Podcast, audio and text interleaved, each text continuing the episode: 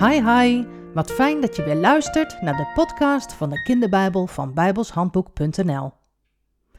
Oh nee toch, Esau was onderweg naar Jacob met 400 mannen.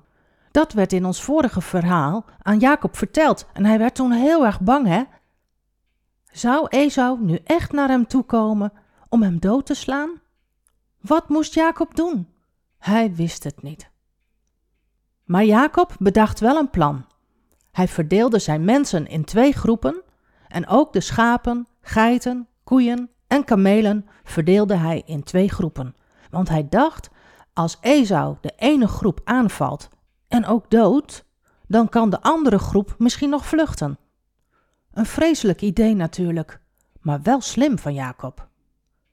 Toch was Jacob erg ongerust en hij voelde dat hij het niet alleen kon. Toen knielde hij en hij zei: God van mijn opa Abraham, God van mijn vader Isaac. Heer, ik moest van u teruggaan naar mijn familie, naar het land Canaan waar ik geboren ben. Dat hebt u zelf tegen mij gezegd. En u hebt ook gezegd dat u voor mij zou zorgen.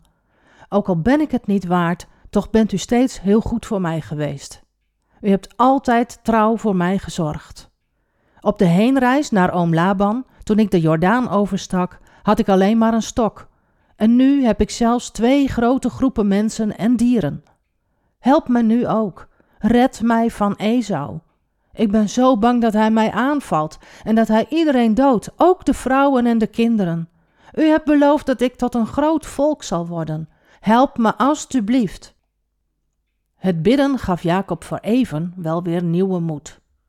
De volgende dag stuurde hij een deel van zijn mensen naar Esau toe met een grote groep dieren, als een cadeau. Hij hoopte dat Esau dit als een mooi geschenk zou zien. Zou hij het cadeau aannemen? Zou Esau na twintig jaar zijn broer Jacob kunnen vergeven? Of zou hij juist nog bozer worden? De volgende avond bracht Jacob zijn gezin bij het riviertje de Jabbok en hij hielp ze naar de overkant. Zijn vrouwen en zijn kinderen en ook de rest van de mensen en dieren. Zelf bleef hij aan de andere kant van de rivier. Hij ging nog niet met hen mee, want hij had nog geen antwoord van God gekregen en daar was hij erg ongerust over. Hij durfde niet verder te gaan zonder de zegen van God en daarom bleef hij achter om te bidden. Hij smeekte om Gods hulp.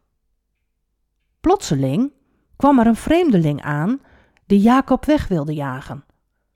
Maar Jacob liet zich niet wegjagen. Ben je gek? De man viel Jacob echt aan en ze begonnen wild te vechten. Oh, wat was die man sterk! Maar Jacob liet zich niet verslaan. Hij was geen slappeling. Urenlang hield hij het vol met al zijn spierkracht om tegen deze vreemdeling te vechten. En steeds meer dacht Jacob: Dit is geen gewone man die met mij vecht. Tot de volgende ochtend bleven ze vechten en Jacob gaf niet op. Was hij zo bang voor Esau geweest en zou hij nu door een vreemdeling gedood worden? Nooit.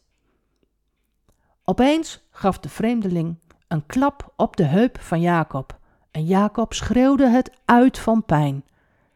En toch gaf Jacob het nog steeds niet op. Hij bleef doorvechten. En toen zei de man: Laat me gaan, want het wordt licht. De dag is aangebroken. Nee, ik laat u niet gaan, niet eerder dan dat u mij zegent, zei Jacob. Wat is je naam? vroeg de man.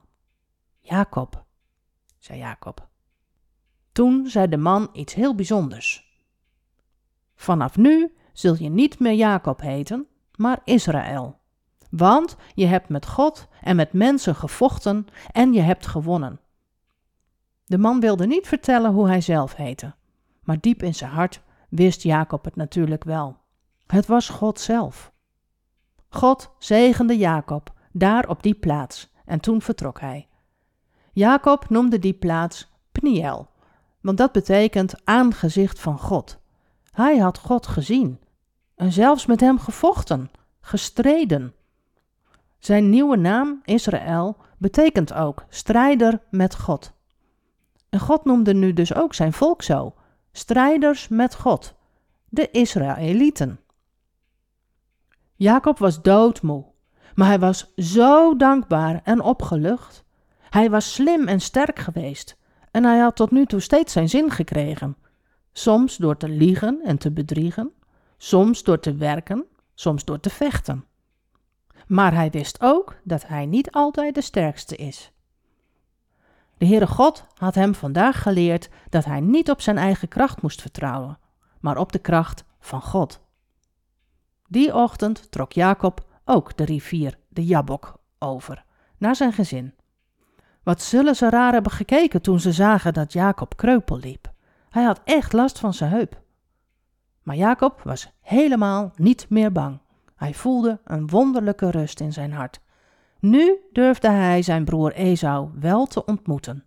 En hoe dat zal gaan, dat hoor je de volgende keer. Luister je dan ook weer? Tot dan. Hi hi.